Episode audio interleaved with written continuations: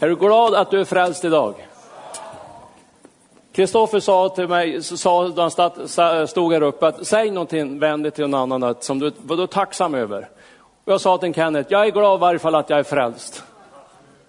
Så har du ingenting annat att vara glad för, så är jag glad för att du är frälst i varje fall. Du är på väg till himlen. Har du tänkt på det? Det här bibelordet, Johannes 3 och 16, det kom för, för mig så många gånger. Tänk att Gud var så god så han sände sin enda son av en enda orsak. Det var för att du skulle ha ett evigt liv. För att du ska få ett liv i evighet. Det är väl fantastiskt? Det är väl någonting att vara glad över. Jag blev så glad då jag hörde Nicolin tala om att han har blivit frälst i Albanien. Han har blivit frälst för att det var någon ifrån Sverige som åkte dit. Därför är han på väg till himlen. Visst är det fantastiskt? Den här månaden handlar ju om bön.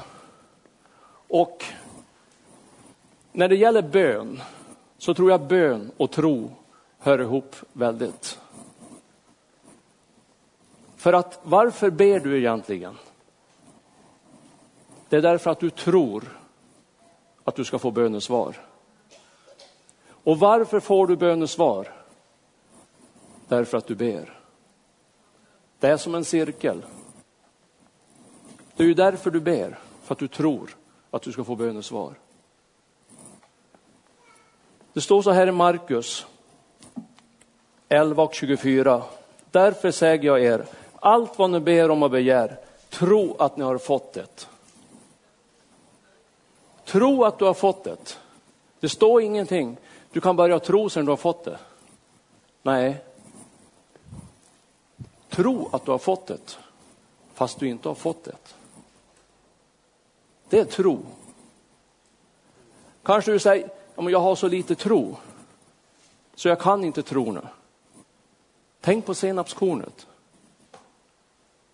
Hur gör du för att få mer tro då? Du måste umgås med människor som pratar tro. Du måste lyssna till människor som pratar tro. Jag har tänkt på Charles Andy från då han var här. Det var bara tro över den hela tiden. Han tvivlade inte att människor som satt i rullstol, att de skulle bli frisk. Han pratade tro. Ska du få tro, då måste du umgås med människor som pratar tro. Det är bara så. För det står att genom hörandet, då börjar tron att växa i dig. Det är jätteviktigt. Det är viktigt vem du umgås med. Det är jätteviktigt vem jag umgås med. Man kan inte umgås med vem som helst. Man kan träffa vem som helst. Man kan utbyta saker och ting. Det är inte fel. Och du måste umgås med många människor. Men du måste umgås med människor som pratar tro. Annars blir du neddragen till slut så har du inte tro på att Gud kan svara på bön. Till slut så är det någonting som sås in i hjärtat på dig och mig. Och då blir du död. Det är jätteviktigt att man skriver upp bönesvar. Jag tror det är någonting vi försummar väldigt mycket. Att vi är inte tacksam till Gud för vad han har gjort. Att vi inte påminner varandra om bönesvar. Att vi inte peppar varandra att Gud faktiskt hör bön. Precis som Helena och Nicolin pratade om idag. Gud hör faktiskt bön. Det ska du aldrig tvivla på. Men det är så lätt att man glömmer bort det. Jag satt och tänkte på den här veckan en kväll. Jag satt och förberedde mig lite. Har jag något att vara tacksam till Gud för? Vad har Gud gjort för mig egentligen? Och när man börjar att ta sig till, slå sig till ro och börja tänka, då är det jättemycket. Det är mycket som Gud har gjort för dig och mig. Och en sak som vi försummar väldigt mycket, tror jag, som jag tycker i varje fall, det är att vi ber ofta om Guds beskydd. Vi sände iväg pastor Thomas till Indien och vi ber om Guds beskydd. Och han kom tillbaks men vi bara tar det för givet. Vi tackar, Gud, vi tackar inte Gud för att han kom tillbaks. När vi sänder iväg någon annan så ber vi om blodets beskydd. Men vi glömmer bort att vara tacksam när de kommer tillbaks. Jag tänkte på det där på 90, slutet på 90. Då var Elva och jag flera gånger i Ryssland på Jabotinsky. Och jag vet att vi bad Gud beskydda oss. Men det var först nu, den här veckan, som jag kände väldigt tacksamhet till Gud. Att jag var beskyddad. Tänk på många gånger vi var i Moskva. Vi åkte tunnelbana där. Vi kom fram till olika stationer mitt i natten. Vi hade någon som stod och väntade på oss. Och vi for och sprang genom parker härs och tvärs mitt i natten i Moskva. Och jag bara tänkt på det nu, men gode Gud, det var ju livsfarligt. Men Gud beskydda oss. Och Gud var med oss. Och jag tänkte på, den, tänkte på den här veckan. Tack gode Gud, du var ju med oss när vi var i Moskva. Det är ju många år sedan. Men då, då vi kom hem, då var det som att man liksom bara tog det för givet.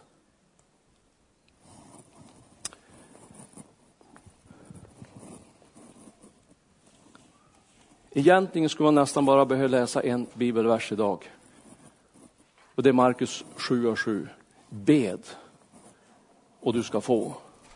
Egentligen är det ju tillräckligt. Vi behöver ju inget mer. Det kan inte bli bättre. Bed och du får. Det är liksom inget snack om saken, det är inget tvivel. Be och du får. Men vi ska prata lite, lite mer ändå runt omkring. Tänkte så här, måste jag be? Kanske är någon som ställs den frågan. Måste jag be? Jag är ju frälst. Är inte det tillräckligt? På den frågan skulle jag bara svara både ja och nej. Nej, du måste inte be, men du får be. Det är stor skillnad. Men samtidigt skulle jag säga, ja, du måste be. För det står i Bibeln, det står så här, be oavlåtligen. Be jämt och ständigt. Be i tid och otid. Varför är det så viktigt att vi ska be? Jo, det är du och jag, det är våran möjlighet att bygga upp en relation med Gud. För bön, vad handlar det om egentligen? Det är samtal med Gud. Det finns olika böner. Det finns tacksägelsebön, det finns förbön. Men det finns också den innerliga bönen som du har med Gud. Det är bara du och Gud. Det är ingen annan. Och bön, det är ju den som stärker relationen med Gud. Det är ju samtal med Gud om ditt inre liv.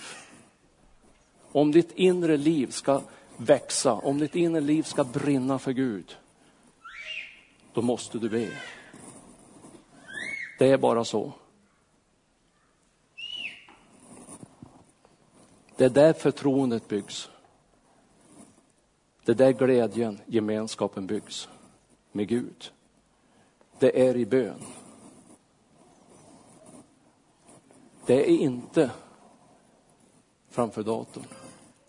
Det är inte framför tvn. Det är inte på ishockeymatcherna. Där bygger du ingen relation med Gud. Jag skulle säga det är bön. Men måste jag be jämt?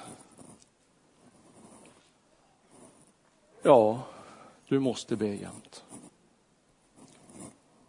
Eller rättare sagt, du får be jämt. Jag tror det är jätteviktigt att man har fasta bönestunder. Att man har fasta tider.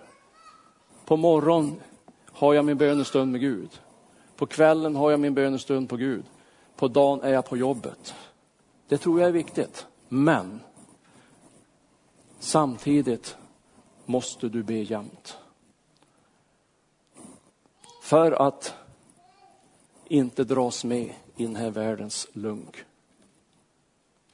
Det är så lätt på arbetsplatser, matbaracker, i allt vad du är någonstans.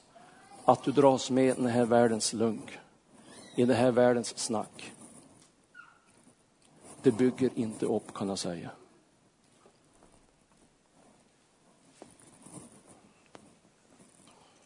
Det står i första Tess 5 och 17, be oavbrutet. Men jag kan ju inte be hela tiden som jag är på jobbet. Har du försökt någon gång? Det går bättre än du tror. Det går mycket bättre än du tror att vara i bön oavbrutet. För jag har lärt mig en sak. Att när jag är på jobbet och man håller på med allt möjligt och det är olika situationer. Man vet inte hur man ska tackla saker och ting. Man har varit snickare över 30 år. Men många gånger så kommer man i situationer jag vet inte hur jag ska göra. Då är det så bra att ha någon att samtala med. Det är så bra att ha någon att rådfråga. Det är nog så bra att ha någon att luta sig emot. Gud, hur gör jag nu? Jag måste ha din hjälp. Jag klarar inte av det här. Utan din hjälp går det inte. Och jag tror att man kan ha det här bönesamtalet med Gud hela dagarna. Jag tror att man kan be oavbrutet. Förstår ni i Bibeln att vi ska göra det? Då tror jag det går. Annars har han aldrig i livet stått där.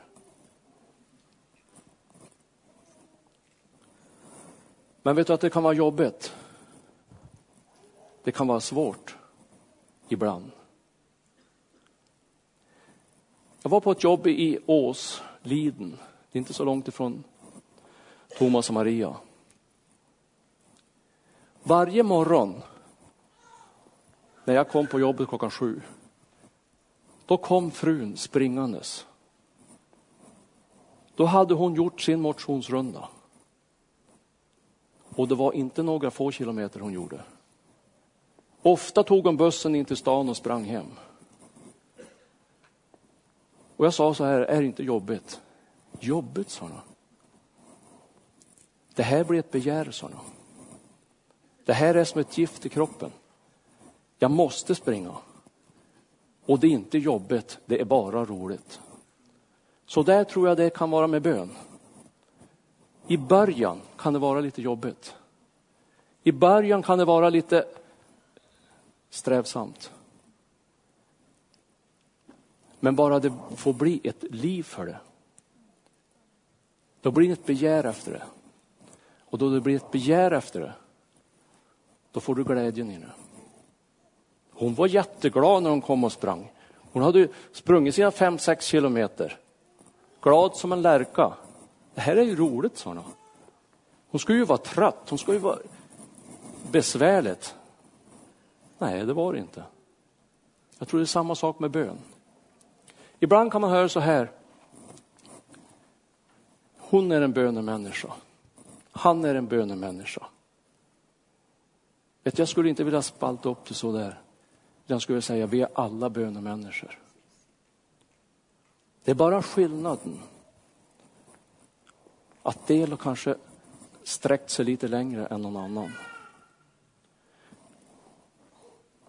En annan har kanske tränat lite mer än en annan. Men vet du att det inte är jobbigt att vara en bönemänniska? För att det står att du ska inte be, göra som fariseerna, be långa böner för att du tror att du ska bli bönhörd. Gud har inte det kravet på det. Du behöver be länge, du behöver be jobbet och du behöver ska formulera det på visst sätt. Och det. Gud kräver inte det. enda han kräver, det är gemenskap med dig. En intim re relation med dig. Det är det han kräver. Inte att du ska be länge, inte att du ska, att du ska be perfekt. Han vill ha relationen. Det är han, det är han är ute efter. Vi ska läsa Filipperbrevet 4 och 6.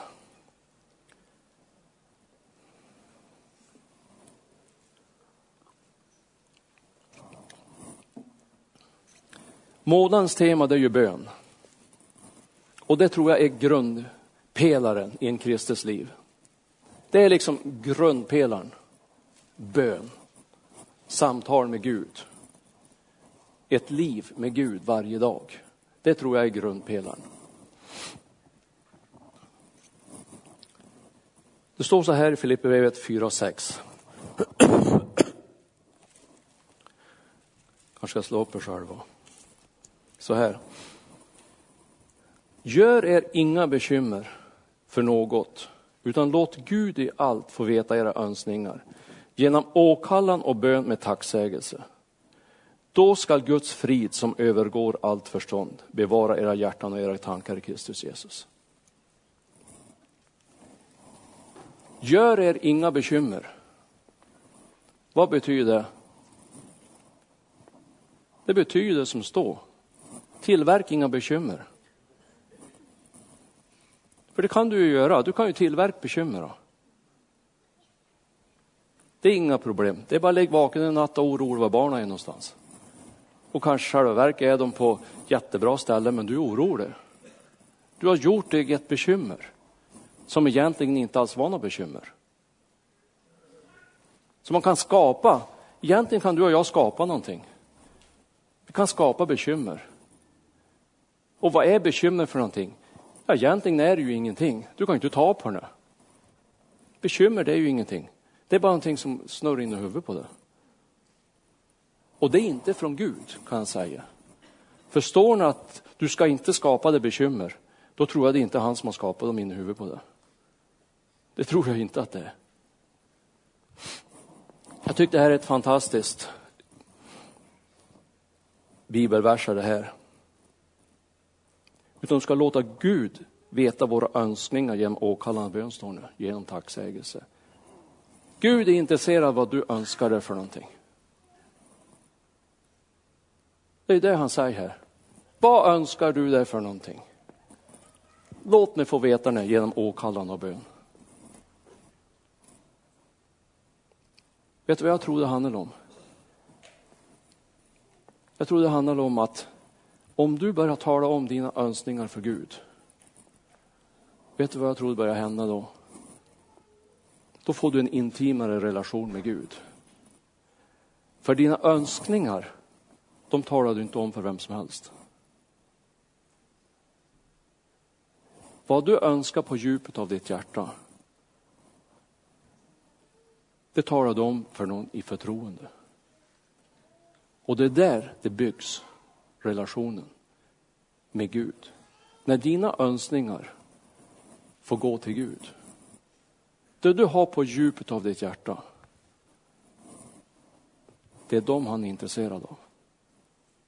Och som ett resultat av det, att du gör det, då står det så här i vers 7. Då skall Guds frid, det finns inget bättre än Guds frid i hjärtat. Har du känt bekymmer, oro, ängslan och så har du fått frid, då vet du vad det handlar om. Frid, det är det bästa du kan få. Som övergår allt förstånd. Det till och med ska bevara ditt hjärta. Du ska inte komma på fall. Kontentan av det bibelordet är ju egentligen, om du talar om dina önskningar för Gud, så kommer ditt hjärta bli bevarat. Hur hör det ihop egentligen? Är det så enkelt? Ja. Därför att du har lagt dina önskningar i Guds hjärta. Och när du gör det, då jag vet att du har många önskningar. För det har då jag. Jag har önskningar hela tiden. Och ska han få veta allihop, då måste jag ju vara i ständig kontakt med honom. Annars får ju han inte reda på mina önskningar. Och när jag är ständig kontakt med honom, ja då hittar jag inte på något annat tokigt. Då har jag relationen där.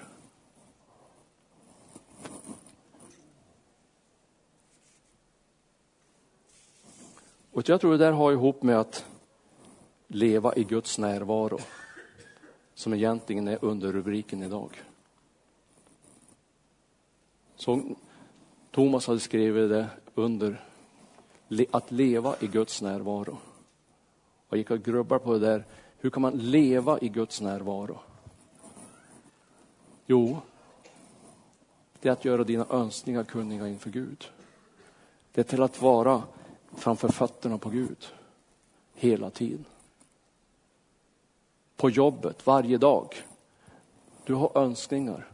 Du har önskningar. Du vill det ska gå si, att du ska gå så. Ja, men gör det då. Tala om det för mig, säger Gud. Då ska du få Guds frid. Då får du frid på insidan. Därför att då förlitar du inte på, på någon annan. Då förlitar du inte dig på att det är någon annan som ska hjälpa dig. Utan då börjar du lita på mig. Och då, när du gör det, då kan du vara lugn. Då behöver du inte vara orolig att inte hjärtat blir bevarat. För då är vi tajt tillsammans. Det är det det handlar om. För att leva i Guds närvaro, jag tror det har med kommunikation att göra. Det har med kommunikation att göra med Gud. Ju starkare kommunikation med Gud du har, ju närmare, närmare Gud kommer du.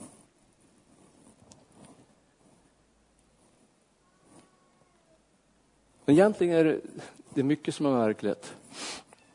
För det står så här att vi ska be oavbrutet. Vi ska be jämt. Vi ska vara i bön jämt. Men samtidigt står det i Matteus 6 och 8. Egentligen behöver du inte alls be. För det står så här. Gud vet vad vi behöver innan vi ber honom om det. Ena stället står det be oavbrutet, nästa ställe, ja, det är inte, du behöver inte be, jag vet ju nu. Ja, det är sant, Gud vet det. Men han vill att du ska be ändå. Tänk på Bartolomeus. Han var blind. Och han bara ropade på Gud, ropade på Jesus. Och Jesus visste ju att han var blind. Han såg ju nu, klart och tydligt. De fick ju le fram han. Och ändå säger vad vill du jag ska göra egentligen? Egentligen kan man tänka, det var då den märkligaste frågan man kan säga. Vad vill du att jag ska göra för du? Tänk om en Bartimeus hade sagt, jag har ont i en stor tå. Kan du hjälpa mig? Då tror jag Jesus skulle bli förvånad. Han visste ju att han var blind.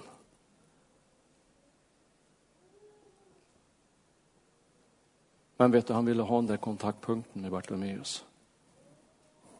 Han vill ha en kommunikation med Bartolomeus.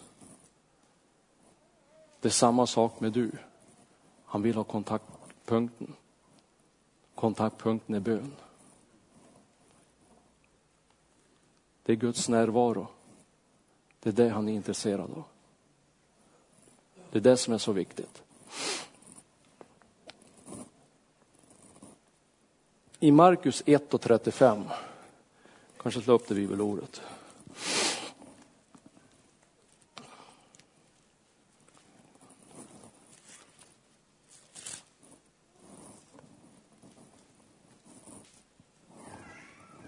Står så här. Tidigt på morgonen medan det var mörkt steg Jesus upp och gick till en enslig plats och bad där.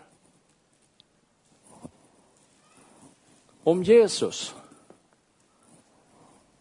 var tvungen att stiga upp och gå och be, så tror jag att det är minst lika viktigt att du och jag ber. Och det är ett ord som slog till i den här bibelversen på mig direkt av läste och det var att det var mörkt. Varför var det så viktigt att skriva dit att det var mörkt?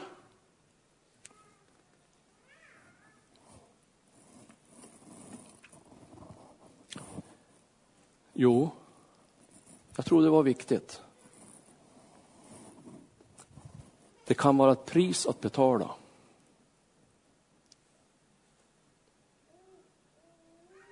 Ibland är det inte lätt. Ibland kanske du måste bestämma det. Och Jesus hade bestämt sig. Jag avsätter tid för att vara tillsammans med Gud, med min fader. Och han steg upp medan det var mörkt för att gå till en enslig plats.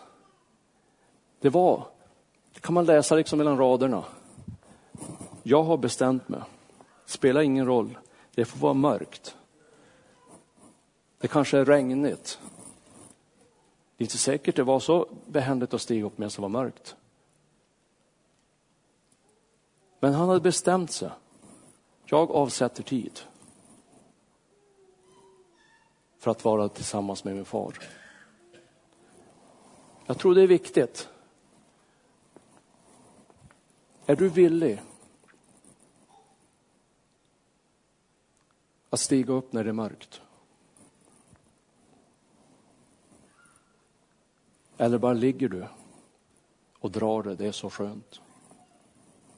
Är du villig att offra någonting för att få tid med Jesus? Ofta hör man de här orden.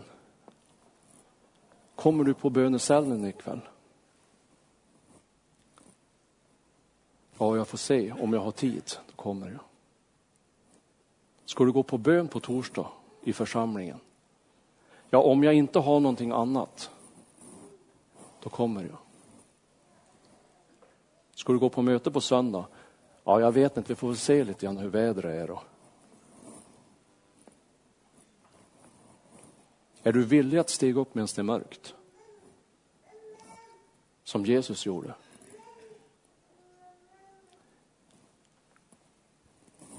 Jag tror att man måste fråga sig själv lite grann. Är jag villig att offra någonting för Jesus? Är jag villig att offra någonting för Gud? Han som offrade sin egen son. Läs Johannes 3 och 16 lite oftare. Han offrar sin egen son. Är du villig att offra någonting för en annan människa? Jag hörde Nicolin här.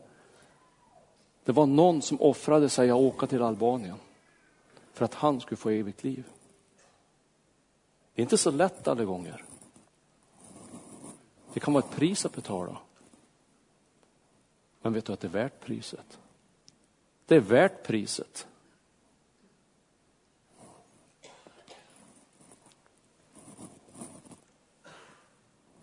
Att leva i Guds närvaro, det kan innebära att du och jag måste stiga upp medan det är mörkt.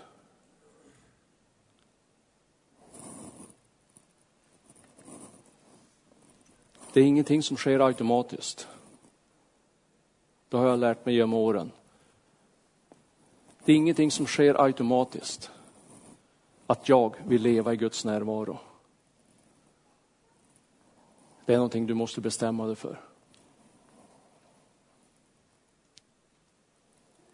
Det är stor skillnad på att, vara, att leva i Guds närvaro och att vara i Guds närvaro. Har du tänkt på det? Du kan vara på ett härligt möte Och du tänker, åh, här var Guds närvaro. Vilket möte. Och så kom du hem. Jag ska bara titta på nyheten. Så slår du på nyheten på tvn. Allt är borta. Du var i Guds närvaro. Men du lever inte i Guds närvaro. Det kan vara saker och ting som tar bort Guds närvaron. Det där tror jag är någonting vi måste rannsaka oss själva. Vad är det för någonting som tar bort Guds närvaro i mitt liv? Jag tror att gång om, år, ett, en gång om året borde man egentligen bara sätta sig ner, fara någonstans i en stuga och vara alldeles ensam. Typ åka upp i Kärrsjö på retreat och bara fråga Gud. Vad är det för någonting som tar bort Guds närvaro i mitt liv? Jag vill ju leva i din närvaro. Men det kan vara saker och ting som jag måste korrigera. Det är Inte säkert jag ska gå den här vägen hela livet. Jag kanske måste byta färdriktning en gång om året. Det är inte omöjligt.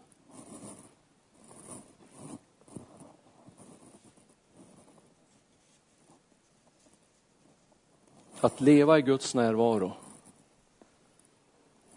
det är ingenting som sker automatiskt.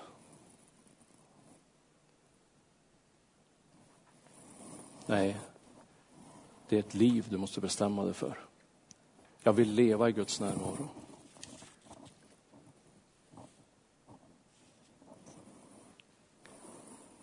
Jag tror det är så här, att första kärleken till Jesus,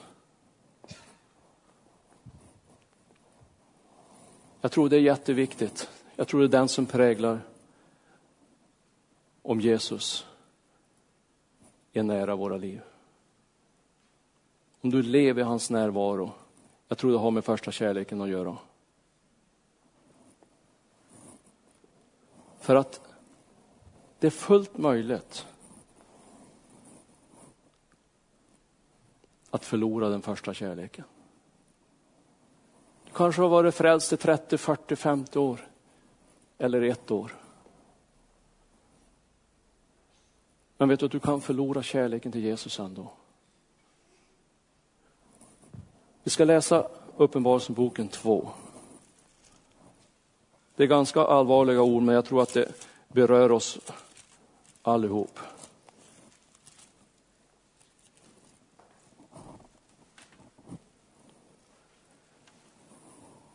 Vi ska läsa Uppenbarelseboken 2, 1 till och med 7. Vi ska läsa de verserna. Så säger han som håller de sju stjärnorna i sin högra hand, han som går omkring bland de sju ljusstakarna av guld.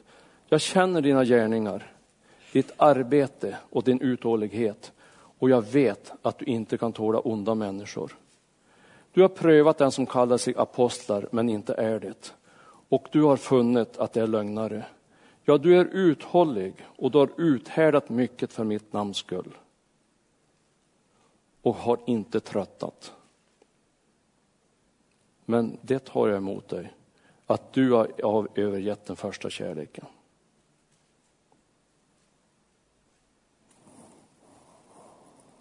Vet du att jag tror att första kärleken, det är det som avgör om du lever i Guds närvaro eller inte. Stå här att du har varit uthållig.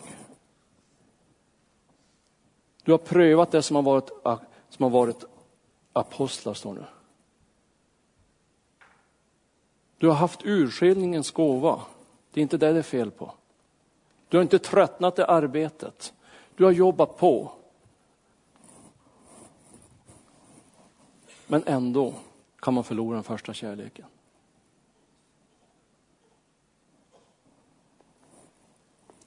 Nu är han inget fördömande på något sätt. Utan jag, utan jag bara skulle vilja bara att du reflekterade över det. För jag känner så här själv. Att man kan jobba och jobba i församlingen. Men vart far livet med Jesus egentligen vägen?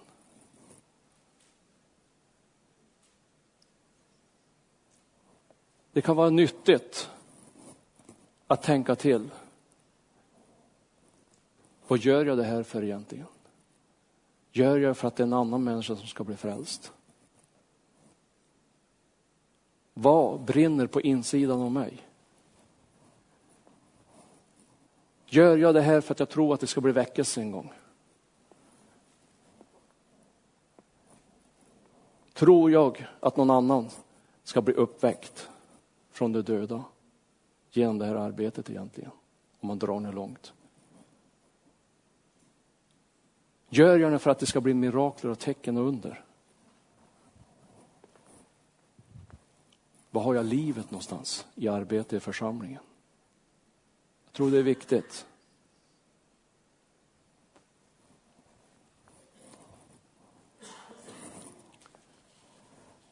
Det handlar väldigt mycket om att leva i Guds närvaro.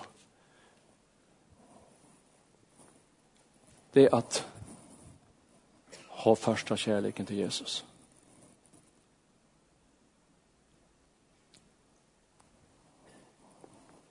Det är så lätt att man somnar in på något område. Det är så lätt att man drar sig tillbaka på något område. För vet att Gud, han vill använda dig mycket mer än vad du vill själv. Precis som Jesus steg upp medan det var mörkt, gick till en enslig plats för att be, så måste du och jag göra saker och ting ibland som inte är så bekvämt. Ibland är det inte bekvämt, men det är nödvändigt. Vet att jag har ett ord till dig här idag. Och det är att Gud vill använda dig mer än vad du tror själv. Mycket mer än vad du tror själv. Men du måste göra någonting. Du kan inte bara sitta på en stol. Det står att vi ska be oavlåtligen. Men samtidigt så måste du göra någonting. Det finns en berättelse som har kommit för mig den här veckan. Och det är, du vet, när Petrus talade med Jesus och så sa han så här. Ska vi betala tempelskatt eller inte? Då sa Jesus så här till Petrus. Gå ner i sjön. Kasta ut en krok. För kom du få, första fisken du får, där ligger en peng. Den ska du ge.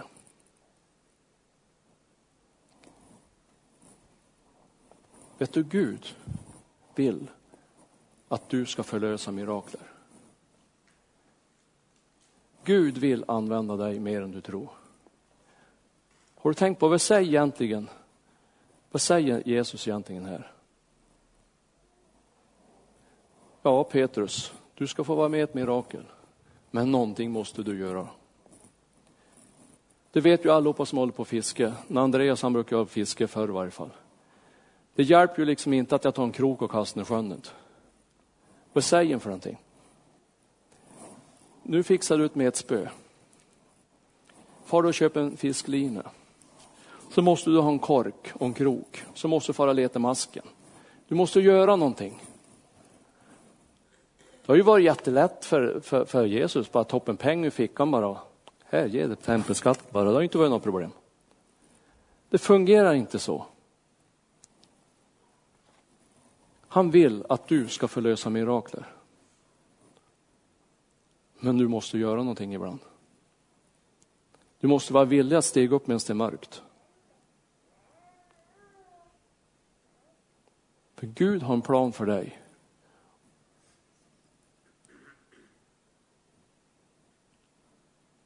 Och den är större än vad du kan drömma om. Den är mycket större än vad du kunde drömma om.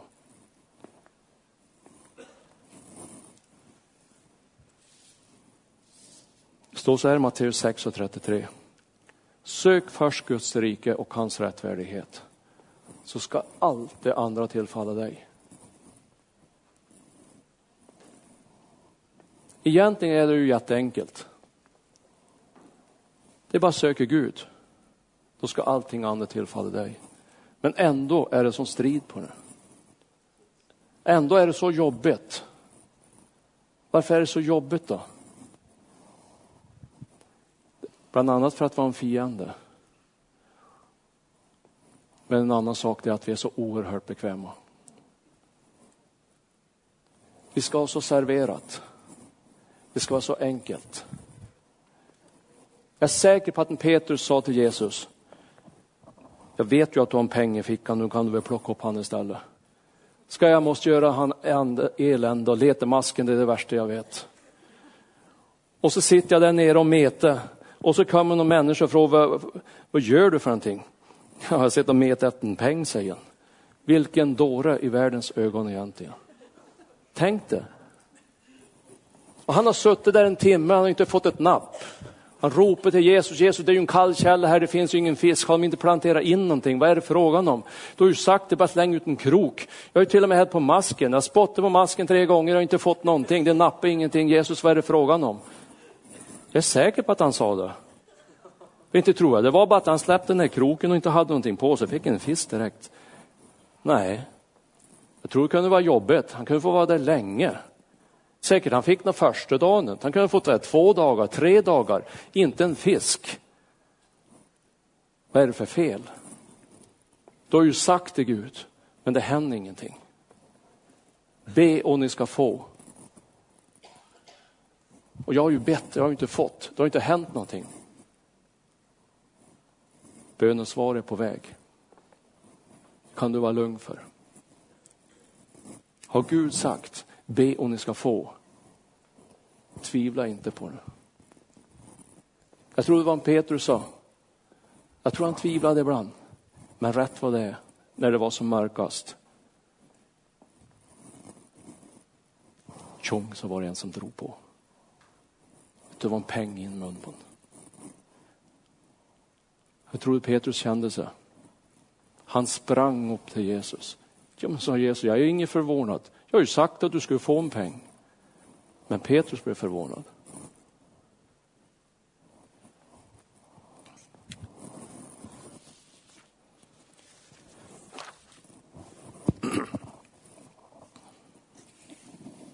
Om du vill leva i Guds närvaro så tror jag åtminstone en sak som vi måste göra. Det som står i Jakob 4.8. Närma er Gud så ska han närma sig oss. Vi måste åtminstone ta ett steg emot Gud. Då har han lovat någonting. Helt fantastiskt. Då tar han flera steg emot du och jag. Jag tror att det värsta Gud vet, det är att du har jobbat sitt. Jag tror det, jag tror det är liksom det, det, det ordet som Gud hatar mest. Att en troende sitt. Ja, men jag är ju så rädd att jag gör fel. Ja, det är en annan sak, att du kan vara rädd för det. Men det är ingen fara för Gud. Vet du, om du kör ner i diket på en annan sida så är Gud där och hjälper dig upp så du kan på vägen igen. Sen kör du ner i diket på en annan sida. Men sitter du på en stol så kan den inte hjälpa dig någonting. Det är totalt omöjligt. Att man bara sett, det tror jag inte Gud gillar.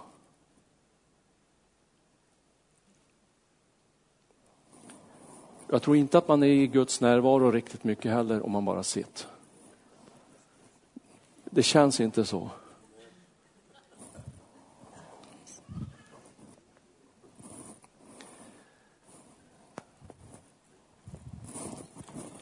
Vi ska be, vi ska ha mycket förbön idag om du vill ha förbön. Jag ska inte vara så långrandig. Men det finns ett ord som jag fick igår kväll. Torsdag kväll kanske det var. Och det ordet, det talar till mig väldigt. Och det kanske talar till dig också. Det är inget fördömande för någon här bara. Men bara känn att det gäller dig. Så ska du bara komma fram till förbön. Idag. Det står så här i Sakarja 1 och 3. Vänd om till mig, säger Herren, så skall jag vända om till er. Vet du att jag tror att när det gäller bön, då är det någonting vi måste erövra. Bön, det är någonting vi måste ta tillbaks. Bönens ande i ens privata liv, det är någonting man måste erövra. Jag tror att bönens ande måste vi erövra in i församlingen ännu mer. Och det är en strid på det. Det är en kamp på det. Det är inte lätt att stiga upp medan det är mörkt. Du måste avsätta tid. Du måste vara beredd att betala ett pris. Du måste vara beredd att göra någonting. Och jag bara tog emot mig det här, det här ordet bara till mig. vänd om. Vänd om bara. Det var som bara eka i rummet där, där Gud talade till jag. Vänd om bara. Hur gör man när man vänder om? Man går en annan väg. Jag går inte samma fotspår som jag har gått år ut och år in.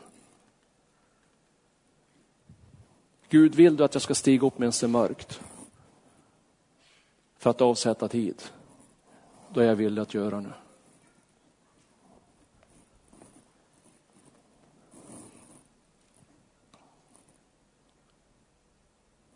För det finns, jag läste ett ord sen i Lukas 6.46. Som skakar om mig. Och det är ett ord som jag inte vill höra. Det är inte många bibelord man inte vill höra. Förresten vill man ju höra ett bibelord. Då. Det står så här, Lukas 6.46.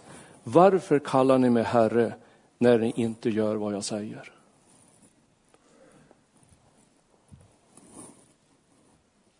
Jag fick bara det ordet över mig, det här ordet vill inte jag höra. Varför säger ni Herre när ni inte gör vad jag säger? Be oavbrutet. Var ständig i bön. Stig upp medan det är mörkt. Överge inte den första kärleken.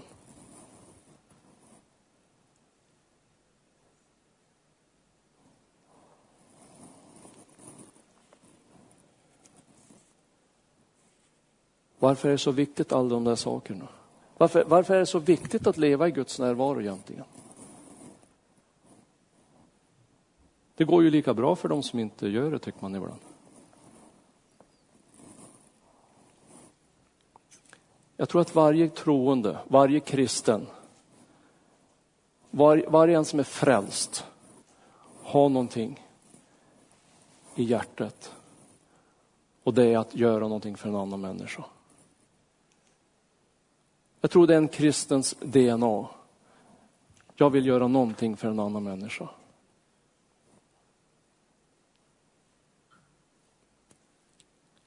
Och är jag inte i Guds närvaro så tror jag inte att man kan tjäna Gud lika starkt. Jag tror inte man kan göra en skillnad i den här världen lika mycket om man inte lever i Guds närvaro. Om jag bara är ute efter att vara i Guds närvaro ibland emellanåt och inte är ute efter, jag vill leva i Guds närvaro, så tror jag inte att du och jag kan göra en skillnad i den här världen lika mycket. För Gud vill använda dig mycket mer än vad du tror själv.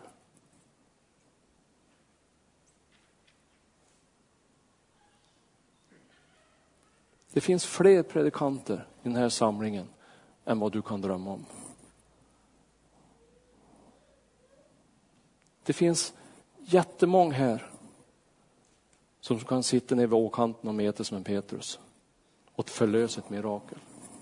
Det kan vi alla göra. Petrus var ingen speciell. Men han var speciell på ett sätt för att han var väldigt jobbig. Men Gud använde den. Jesus ville använda Petrus. Och sitta på kanten och sitta och meta.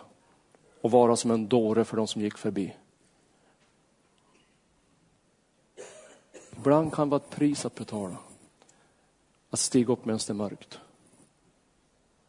Det där ordet mörkt har talat till mig den här veckan så det är inte klokt.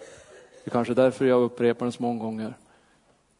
Varför skulle det stå där att det är mörkt? Det var, var väl lätt som att bara säga att Jesus avsatt till, han bara gick och bad. Varför skulle det måste stå att det var mörkt? Har jag gått och snurrat på hela tiden. Liksom. Varför skulle det stå mörkt? Jo, jag tror, jag tror det har en betydelse. Det står inte där av en slump.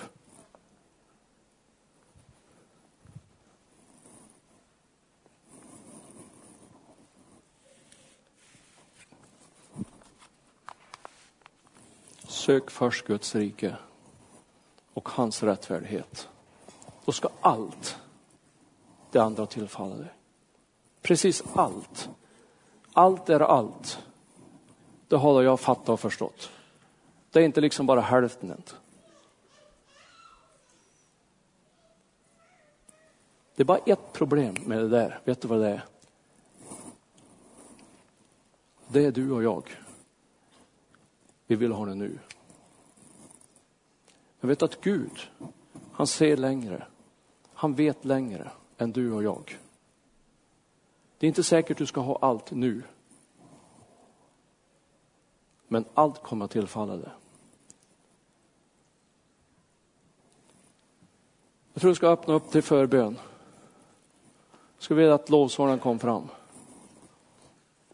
Och är du här idag och du inte är frälst så tror jag det här ordet kan vara till dig. Vänd om. Som det stod i Sakarja. Vänd om, ska jag vända om till dig. Om du vänder om, så gör jag resten.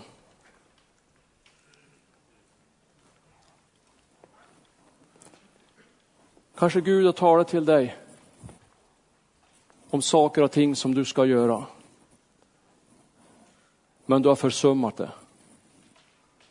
Du kanske till och med har ett profetiskt ord som har uttalats över dig.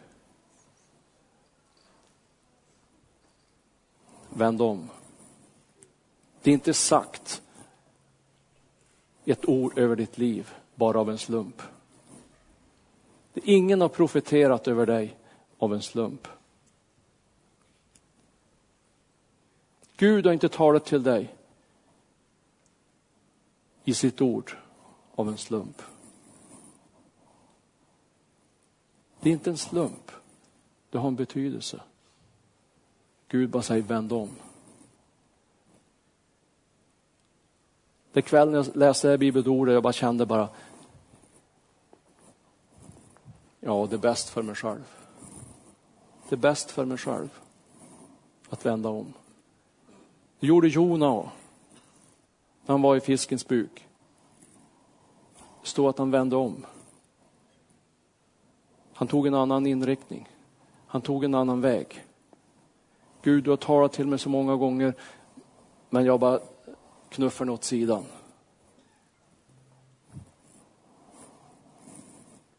Om du är här idag och du bara kände att Gud har talat till dig på ett sätt, ska du bara komma fram till förbön. Tro inte att vi som är framme vi ber att vi är något bättre, utan vi är syskon, vi är en familj. Vi kan hjälpa varandra. Vi är på väg till himlen. Du ska inte bekänna dig ensam. Har du någon sjukdom i din kropp på något sätt, ska vi be. Be och du ska få, läste vi ju. Be och du ska få. Jag ska be att förebedjare kommer fram, lovsångarna börjar sjunga. Bengt ska komma fram, vi ska hjälpas åt. Var frimodig. Vet att det är ingen skam att känna att nu vänder jag om.